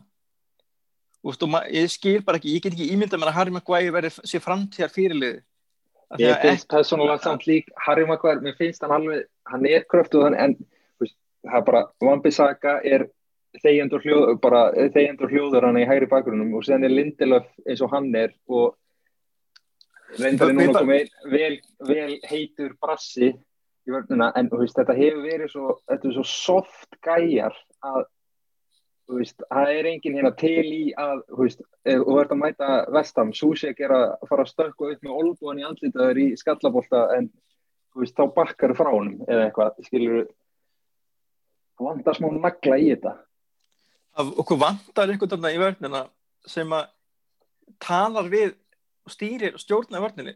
Þú veist, Ríða Ferdinand ástafjörð að hann var er, er, er sennilega besti leikmar bara sennilega eitt besti varnamæri í sögu er bara hreinlega ekki svo besti er að, að hann var með tækni hann var með hraða og hann var hérna fyrirliði.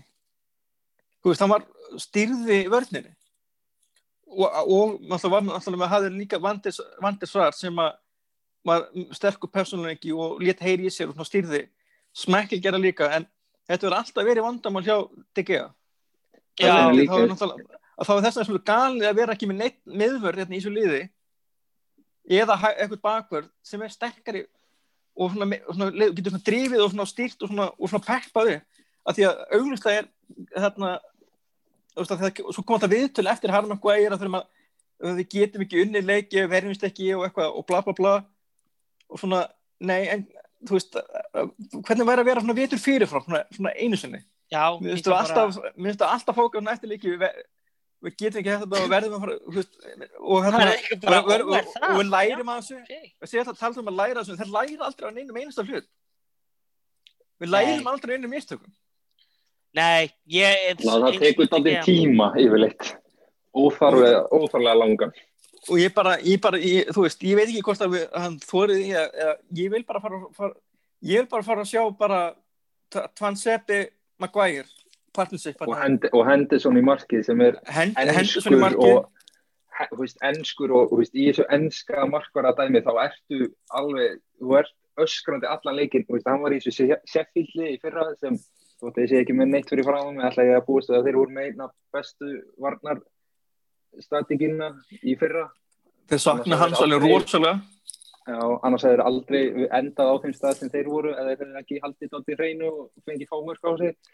Hann er, hann er að- bara ennskur markmaður hann er sígjammandi, þú finnur ekki margar sem eru já, mállausir.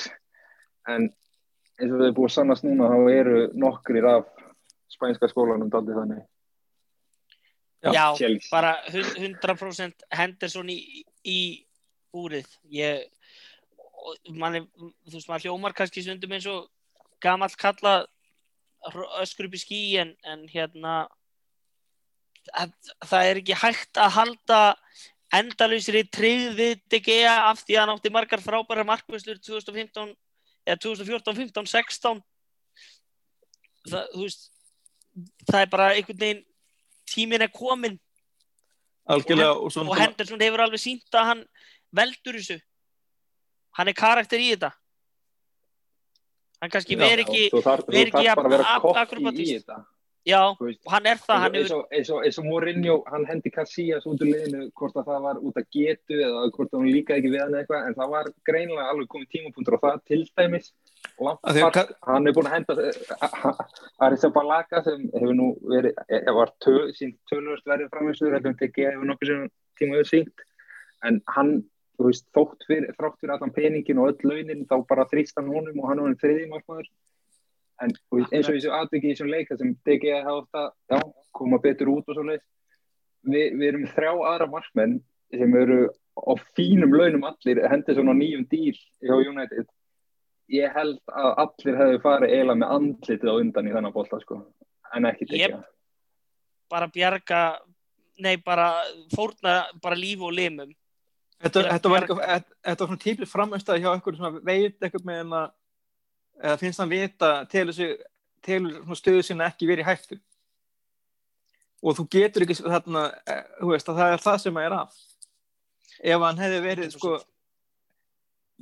ekki glemja því að margar bestu framöstöðum hans undir Ferguson var hérna þegar að þegar hann hérna Lindegard, ekki Lindegard Lindegard, þannig að maður var og, og fekk að þau eru svona vikslið svona leikjum um bara þegar hann var hérna að þarna, og hendi á öðru, öðru tímabölun hans DGA og það var svona tímabölu sem var svona fer svona út og fer svona fer svona bara svona neklin yfir sætið en að því að hann var með svona samkeppni.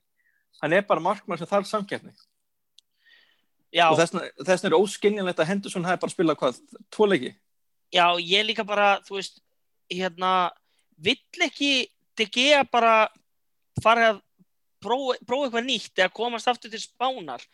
Hvað, meina, breytt, hann- hvað breyttist í því þegar, að, þú veist, þegar hann var bestur í heimi og Real og, og fleiri, fleiri voru á eftir honum þegar fagsvélinn það að það sem breytist var að að Real keftið Courtois Já, Já. ég held að við, þú veist, ef maður horfir á hverjir gætu tekið hann er, þú veist, það er PSG og segja, þú veist, ef, ef ég pæli í þessu, þú veist, Barcelona og Real og Atletico þau eru ekki bara að taka hann. Þá er það PSG Barcelona, og horfir til, Barcelona ef með, horfir- fína markvæsli Juventus og ef maður horfir, já, til Ítalíu, Juventus, Buffon, hann hlýtur að fara að hætta, hann bara getur Já. ekki alveg verið, sko. hann er Og þá 42 eru- ára Já, þá eru við með Chesney sem er líka, þú veist, hann er orðin í eldri kantinu nema hann ætlar að fara að spila eins og Buffon. Já, hann, þú veist, og, og, þegar, og er að koma tími góður þar já, en veist það er spurning, er að koma tími þar Já, Já, þú veist, það er pæling. Og eins og má- má- málið er líka, sko, er- þetta ekki að sjálfur ekkit, mann finnst hann alltaf að vera ungur, hann, er- hann er 30 ára. hann er Já. 90 mótel mamma hann bara eftir hann að EM 2011, 20 einslandsliðana þegar maður sá Juan Mata og Herrera og Thiago og alla þetta gæja bara, mann finnst, man finnst þeir bara vera 25 ára sko ennþá en þeir eru honni 30 eins og Gilvi Já, já, Já. maður er alltaf, maður er alltaf býða, býða eftir því að, að hérna, Phil Jones springi út, hinn efnilegi Phil Jones. hann er, hann er ég- eilíðar efnilegur ég En hann, hann, hann, Sky hann, Sports. hann, hann, hann, er samt alveg, hann er bara 28 ára. Hann er á fínast aldri.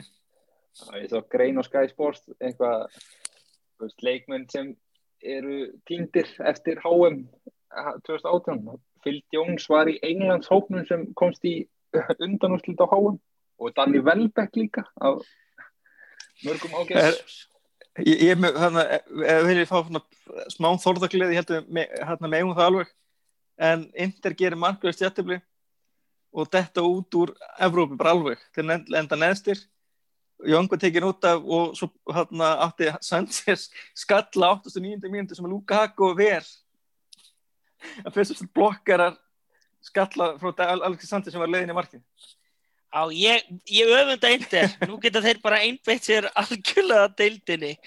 Það verður fróðlegt að heyra hvað Conti segir núna eftir þetta að vera sparkað öfum út. Ég, ég, ég bara, svo er náttúrulega sko löngu ára þetta fór ekki að búið að tala um sko leikmenn og fleiri og vil, hérna, vil ekki hafa náfram, ég get ekki ímynda mér að hann endist í einbilið. Það er líka sko, það eru bara allir og ömmuður sem fór samningana hjá eindir sko. Leikmannhópurinn er svona 50 gæjar. Kannski vilja kannski vilja þér fátt ekki að bara til þess að sl slotta inn sem bæði var að skefa fyrir Handanovic og, og svo getur hann konti kannski bara breytt honum í vangbakverðu eða eitthvað. Ég, getur, getur ekki tekið þarna getur ekki tekið þarna lindur og flíka þá er það konið um eitthvað 5 United leikmann og fáið það ekki eitthvað komplementari eitthvað svona eitthvað barmmerki eða, eða veist, músamáttu eða eitthvað svona í kaupæti þá væri núna geggjað að vera með Sönderland líka í Premier League, þá væri við með tvö lið til að henda leikmennum í sko. Já, algjörlega Já, já, við erum alltaf ekki, við, eftir að hafa hort á hérna, þessar báðar seríunar hérna, á Netflix hérna, um söndarland, þá er maður svona, maður, þá sem maður að þetta gæti verið verða. Eins mingil vonbrið þetta líkit að verða og hvað getur upp að nefnir og þá allavega erum við ekki í söndarland. Við hljóðum sennilega eins og Liverpool podcastið fyrir sko, svona 8 ára. Já, eða e-, bara, eða skemur, kannski bara, bara kannski 10 basically tímumbil að hann að vinna titilin ég menna, hann er enda áttundasæti og eitthvað svona, svo bara munun er náttúrulega okkur og þeim er að, og, og ég var líka að hugsa um Chelsea, Chelsea er búin að hafa gott tímumbil að munun og okkur og Chelsea er að sko, þeir ná mestum þetta seti en stjórnin ákveður að styrka stjórn og kaupa bara þá leikmið sem maður vantar og bara, og eigi það til, hana, og, og það er að virka. Og meðan eru okkar stjórna prúta eitthvað út af einhverjum örfum miljónum sem að þú veist og, og, svo, og svo fá bara einhvað þarna undir lókin bara, bara til þess að fá einhvað það, það, er, það virka með Cavani en og svona telli svona fyrir utan kannski þetta markið í hversu miklu ábyrg maður getur hent hann eða í rauninni beð saga en þannig kannski með það kannski er þetta svoandi en maður verður að setja svolítið ábyrða miðverðina þrjá sem er inn í heldistegnum Já, er, þetta, á... þetta er staðan þetta er staðan sem er flóknast að kaupa í miðvarastaðan, segi ég. Að, Algjörlega, 100% að finna, finna réttu, réttu blönduna og, og, og, og, og hvaða leikmann og er það, viljum við byggja þú veist, fókur til að eru líka bara sko, að kaupa gæjan sem er á réttum stað eins og veist, við tölum um Leifupúl Leifupúl kaupir Van Dijk þegar hann er á akkurat réttum tímapunkti að fara að píka. En veist, hann hafi verið í Celtic áður. Þetta er svona veist, eins og við kaupum Lindelöf þegar hann er í Benfica. Mm -hmm. hefði ekki verið fínt ef hann hefði kannski fengið múfið í Everton eða eitthvað og sér myndi kaupa það. Já Akkurat. Já, við, við, þú veist, þessu varnamannakaup sem frá, hérna, frá Portugal hafa hann ekki reynst okkur nett æðislega? Eina undatækningin er kannski jafnstan. Og blind Já, ég vil hann blind, blind, var, blind var ekki slemkaup, hann var svona skástu kaupin skástu vangalkaupin Já, hann gætt list bara, hann var bara 6 af 10 leikmaður og var bara það var bara allt í lagi. Það var aldrei, varst, það var ekki oft eftir leiki sem þú hugsaði djöfull var deili blind ömulegur og kostaði okkur sigurinn. Nei og e- oftar, oftar en ekki kom hann óvart og, og tók leikmenn sem Lukaku og svona bara í úrumferð og hann veist, hann er ógeðslega góður í fótbolta. Hann er ógeðslega mikil hann er mikla Já. með góða sta- staðsendingu því hann ekki hefur hann hraðan en hann hefur nánast allt annað. Það er kannski eina ástæð fyrir að hann varði ekki meira success því- hjá okkur var að, var að hann var svolítið hægur því miður hefur hann heldur eiginlega ekki heilsuna lengur en hann er, hann er með fótbolta sem heila þannig að það er það sem er að halda ferðlinum hans gangandi. Já, já, er, það er 100% að Daily Blind er þið góður manager. Eða Já, góður assistant e- manager. e- ekki ólíklegt og, en svona til að taka meira hérna með, og með teimi er það ekki, þú veist það, er ekki komin tíminn bara til að endina þetta, þetta, þessi hóp, þetta samansapna mönnum sem við erum með núna er ekki að virka?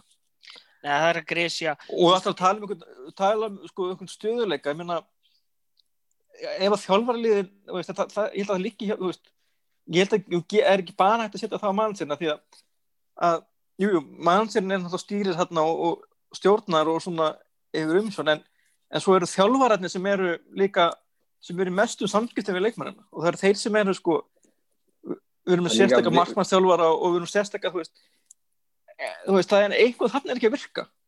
Það er líka, við erum ekki að pröfa eitthvað svona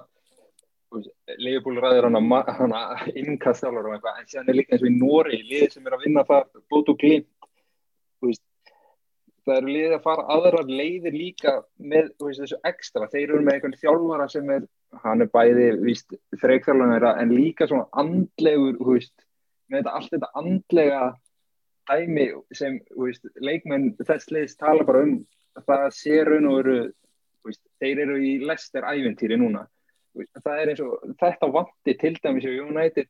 Af hverju geta menn ekki þú veist, ef það gerist tvoleiki röð að þú lendir undir og byrjar illa og þetta, þá áttu bara, já, heyrðu, kannski betra að byrja næsta leik vel en veist, það er eins og það sé ekki, að, þú veist, að það sé bara þjálfur sem segir, heyrðu, hérna, við þurfum að byrja hennar leik betur en síðast það, veist það vant, að, veist, hvort það vanti einhvað tennan part inn í liðið, veist, inn í þjálfórateimið eða, veist, já, allt þetta, jú, allt þetta sem er á baku þetta lið. Já, þetta er bara, þetta er svo mikil blanda af, af öllu einhvern veginn. Ég sá einmitt, ég sá pælingu á Twitter bara að sem að gæði var sagt, að spyrja hvaða, ef þú þurftir að grísja bara allan hópin og mættir sagt skilja eftir fimm leikmenn, þú veist hvað fimm leikmenn mynduðu taka úr þessum current United hóp? Og þú veist, ég að Bruno Fernandes eðlilega já, eða þú veist bara, sem þú mættir sem sagt hlýfa við grísjununa ekki það, ég myndi örgulega leifa Bruno Fernandes að fara í eitthvað betra lið bara svona því hann áður skilið. En Já, ég, það, það, þetta, þetta er þetta mjög góð spurning en, en það er ekki, hann hlýtur á Bruno nummer 1 Rashford, Greenwood. Greenwood, Henderson mögulega. Já, þú veist, mögulega. Og, og þú veist, það er svona kannski svolítið ósangjant Ég verði að hérna- standa henni upp fyrir Halldóri hjá okkur að Það enginn að segja ætlar enginn að segja ætlar enginn að tala um segja Maguire eða? ég, e, mér mér dytti ekki til hugar og finnst það líka örgulega. ég, já, ég tæki hend, ég, örgulega hendur svona eða þurft að taka Markmann og Rashford, Bruno Greenwood og bara for good measure örgulega bara Donny van de Beek eða eitthvað að, þú veist af því að hann er ekki byrjað að fara nógu mikið í töðunar á mér ennþá. Nei og líka en ég bara að- hann er einhver hann er ennþá svolítið óskrifa blað. Hann minnst hann ekki vera nógu mikið bara game tape á hann fyrir United til að geta til að dæ- dæmt um það hvort hann þú veist að, að hann sé nógu góður ekki. Það er bara, það er bara reynilega ekki bara því að hann bara ekki fengið mínutnar til þess að sína okkur hvað hann getur eða, eða getur ekki.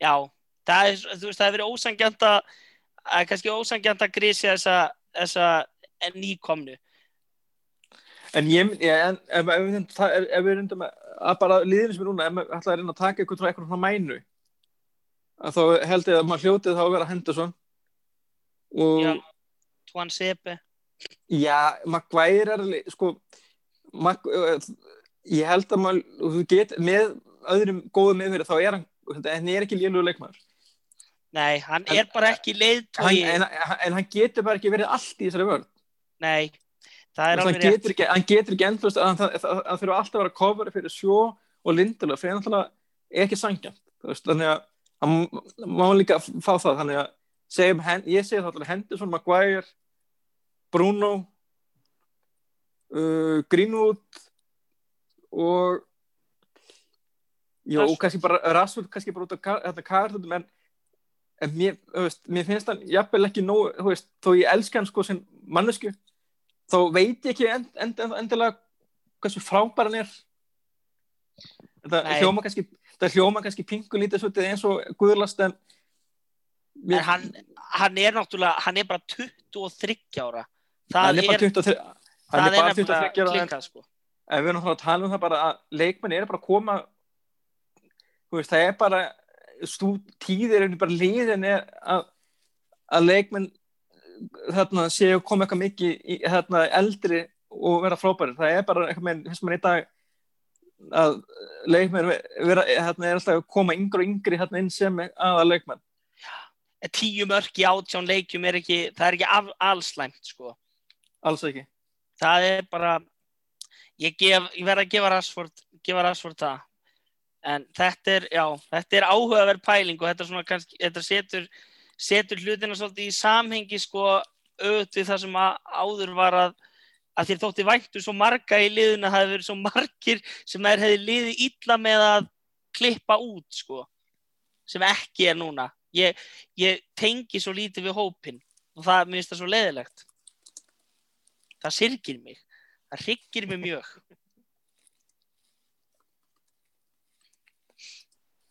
Ég er alveg sammála, en þarna svona kannski ánum slutum þess að það var náttúrulega ef að þið eins og ég og voru búin að gleyma því að Jesse Lingard sé ennþá í Manchester United og þá þið allan að þeir eru ekki ein. En nú er að tala um að hann sé orðar á lán. Daniel, hver, við, við hvernig er verið að orða Er það orða Lingard greið er það ekki Real Sociedad? Það sem að Jú, það það sem að Mois gerði garðin frægan. Já. hann myndi hitta fyrir, fyrir um liðsfélaga sinn Adnan Janusæ Er hann ennþá hjá Sociedad? ég veit ekki annað. Er það ekki? Ég held Svo- það. Ég hann ekkert jú, jú, hann er, hann er í So- Sociedad. Hann er þar, hann er þar. hann, er orðin 25 ára og maður ég held að þetta er því framtíðar eitthvað maður var svo spenntur í leikmanni átti fína leiki svo bara puff, gæti hann ekki neitt. Þetta, en, og þetta er samt svona bara nokkuð stöðugur belgískur landsliðsmaður. Þú veist, spilar ekki mikið en, en er alltaf svona einhvern veginn uh, í krigum hópin Hann, hann er svona, hann er Evrópudeildar leikmaður. já, hann er það. Ef við eigum að útskýra enn betur hvernig svona, já. já, hann er það. Það er alveg svo leiðis Real Sociedad, þeir eru núna í öðru sæti þannig að þeir eru, þeir eru ágætið skrið eftir, þeir fengur náttúrulega David Silva í sumar óvænt, þannig að þeir eru með ágætið slið, þannig að mér fannst þetta já, mjög áhugavert að senda Lingard þangað ég, ég, ég held að þetta sé hreinlega bara að bara senda hann einhver tóntal samlingur rennur út. Og ég meina minnka ég meina, já, líka launakostan og svo held ég að hann geta alveg örugglega verið ágætt í spænska boltanum. Hann minni hraði og svona og, og svona meira þú veist, hann er dæmt á þig og þó þú sé ekki endilega algjörlega brotaður þá kannski samt fyrir ríkarspilnum þannig að en ég held að sé alveg augljóst að Solskjær hefur enga tróðanum lengur. Og svo náttúrulega ég hann það meira bara bara við eins og þú veist, Vestbrom sem er að reyna að bjarga sér í þessari dild að þeir myndu kannski fá hann eða Já. eða eitthvað svona en en við erum að tala um Real Sociedad sem er í topparöttuninni á Spáni en eins og með lengar við erum að tala um leikmann sem er, hann er núna bara eftir viku, hann verður hann 28 ára. Og hann er komin en, og hann er bara þú veist, hann var hann átti þetta smá kapla sem hann var fín og mark En í hann er bara- úrstættalega FA byggarsins sem var sannlega hans hann líði helviti lengi á því. Þetta, menn voru voða þakkláttir í langa tíma fyrir það. Ekki það ég, ég fagnaði eins og eins og ég óðum með ekki maður. neita að við vorum allir. Já, já, og, og öll bara þetta, við vorum öll þarna heldum að hann yrði væri svona að stíga upp og svona væri einn af þessum svona late bloomerum eins og stundum eins og stæðan svo Vardí hérna hjá Lester og svona. Og hérna en ég Menna, ég held að það sé bara fullrengt og það er alveg augljóst að, að þjálfarteimið og Solskjær hafa enga trú. Enga Það trú er á að sami tímapunktur komin eins og með Danny Welbeck á sinu tíma. Það er bara, sá tímapunktur er komin að hann er ekki nógu góður fyrir þetta leið og Nei, og- reyni, og, og ég held að Velbæk kallin sé bara á fínu stað núna hjá- er ekki maður að skora núna? Hvað svona hann- allan hann- inn- hann- hann byrj- hann byrjar þegar hann er hann hell og hann skorar og svona, ég minna, er ekki bara, þú veist, svona hæfilega mikið pressa á hann og svona já, ég man Hann allan hann að fekk ágætið smilli skrifan á milli, hann að Arsenal. Já, já, þannig að það mann sem ekkert eðislega vel en hann að samt skora hann á móti okkur í einhverju FA-kerni þannig að, þykir þyki vænt um hann en, en ég mun aldrei fyrirgjóðum chipun á móti bæinn úf, ekki minnast á það. Það var mesti viðbjóðu sem ég minni séð. Ég var út á Spáni og ég gjörsamlega troppaðist reynda, Yfir því. reynda, reynda hann ekki það sama mútið Real Madrid þarna í þeim því æfintýri hérna, eitthvað vipp eða, eða svona, er sendna beint eitthvað með þarna, en hann skoraði á Bernabá hann, sko, hann getur lifað á því alla æfi hann skoraði Já. markið okkur á Bernabá og það, það gerir líka hann, hérna, hann hvað heitir hann hérna, Aron hérna hjá Moskvu, hann sko, skora hvað tvisvar Arnór, og, Arnór. Arnór Sig Já. já, Arnór, já, sem hérna, hann skoraði tvisvar og lagði hann var bara, eftir þann leik var hann að fara til Napoli eða Dortmund, það var bara hann að kosti eða, en síðan þá hefur þetta aðeins dalað já. En hefur verið gaman að fá hann það hérna gerist það sama hjá Velbeck, Nei. þannig að það er ekki leiðum að líkast. Nei, það er kannski ekki endalega, það er ekki gott að skora þarna á Bernabó ef maður er ekki tilbúin andlega. Þannig að þetta er svolítið botnin og ferlinum. En þarna, en við kannski þarna, við sjáum, hvað gerist, en við látum kannski, það átti en ekki vera lengri í þetta skipti. Við erum búin að ræða held ég þetta eins mikið og við getum og kærum okkur um. En við eigum leik núna á laugardaginn á móti Manchester City á heimavelli ég held að við getum ekki lengur hérna endilega sagt að útileikur við vinnum að því að það reynst ekki var ekki raunin í gær og en Solskjær hefur gengið vel á móti og, og, Það eru útileikinu í deildinni, sko. Istanbul Já. var heldur ekkert spes. og, og, og við settum við settum met við glemdum að tala um það með sigurunum á vestan og setti United met á Englandi en ekkert lið hefur fengið fleiri stig úr tapandi stöðu heldur en Manchester United það er að segja eftir að lenda undir í leikjum. Eða vera undir í hálfleik, ég man ekki hvort það var. En það var allavega hana ég held að ekkert lið hafi komið jafn oft tilbaka. Við erum svona með flest stig á öllum og ég held að við höfum farið yfir hvað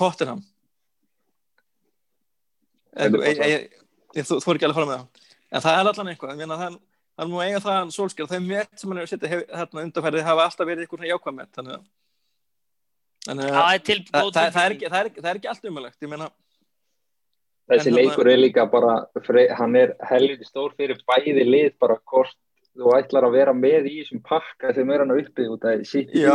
tímabili ekkert vel. Vi, við erum tvö af þessum stóru lið sem eiga, út af er, við, við erum svo að drókst sko, á langin að eiga leik inni, sko. já, en við, en við erum svo að tala um það sko, ef við hérna ef við tökum hennar leik út um engi og tölum bara við, að þessi leikur sem við eigum inni vinnist og þá erum við rauninni bara tveimur stigum frá toppnum við erum alveg inni, þú veist, við erum ekki þetta er ekki eins og fyrra, við erum ekki hérna að spila jafn illa og ekkert við erum að spila mikið betur. Í rauninni, eins fyndið það hljómar. Þú veist, og í rauninni, ef það væri ekki fyrir hérna toppnanleik, þá er þetta bara væri þetta í rauninni bara búið að fín fínt í dildinu, þannig sem miða við tímabilið, ekki kannski miða við ef við horfum að við horfum að hilda myndina eh, já, Já. Veist, hjá ólíkunar bara síðan í janúar á þessu ári basically bara síðan Bruno kom þá er sigur hlutfallið held ég í öllum keppnum 63,4% sem er já veist, Sem er mjög frábært. já, það er bara Og- ríka það er ekki margir með það, og, og, ég, ég, ég held að bara Liverpool sé, sé með fleiri stig frá, frá þeim, tím, frá, þeim kapi, ég held að það minni tveimur stigum á United og Liverpool frá því hvað í loki janúar eða janúar, í janúar þessari sem er áhugavert Hildamyndin lítur alveg vel út þótt að meistarðildin sé farin í vaskin þetta árið.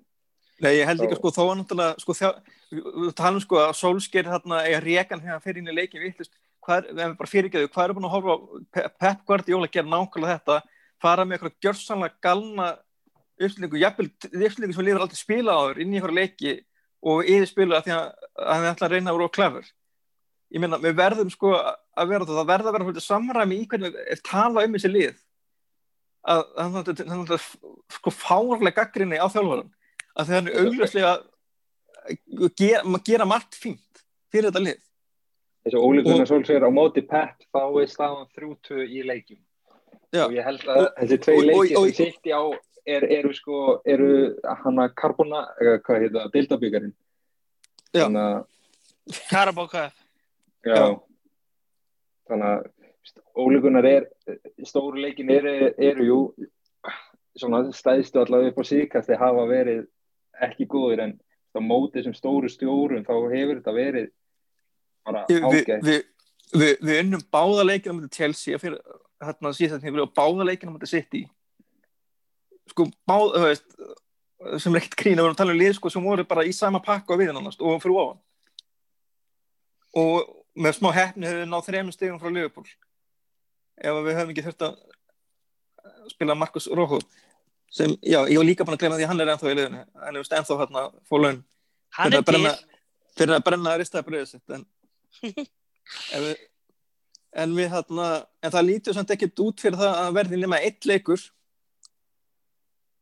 fyrir næsta þátt. Við erum hérna, við erum leik 12 og svo er það 17 en mútið Sheffield United en við svona gerum það fyrir því að taka upp lík, öllu líkendum áður en að sáleiku fyrir fram. Þannig að við, við, við viljum tala mjög ítala um hann að sýttileik eða vonast til að gera koma einhverju skemmtilega fréttir og kannski eitthvað skemmtilega slúður. Það er fyrir að stýttast í janúar slúður en þetta er búin að vera stór, góður þáttur og langur og ég er það er eitthvað kærlega fyrir samverðuna Takk fyrir sálfræði tíman Þetta er gott fyrir hérta og gott fyrir sáluna að aðeins að fá pústa. Já, og það er ekki mótið líka.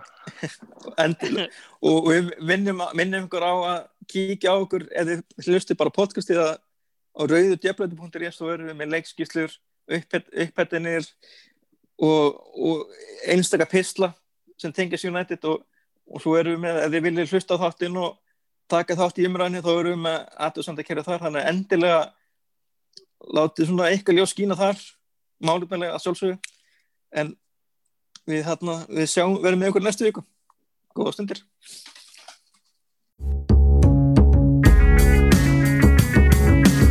Takk fyrir að hlusta á Djöblavarpið Þið getur fundið frekari umfjöldun um Manchester United á rauðudjöblarnir.is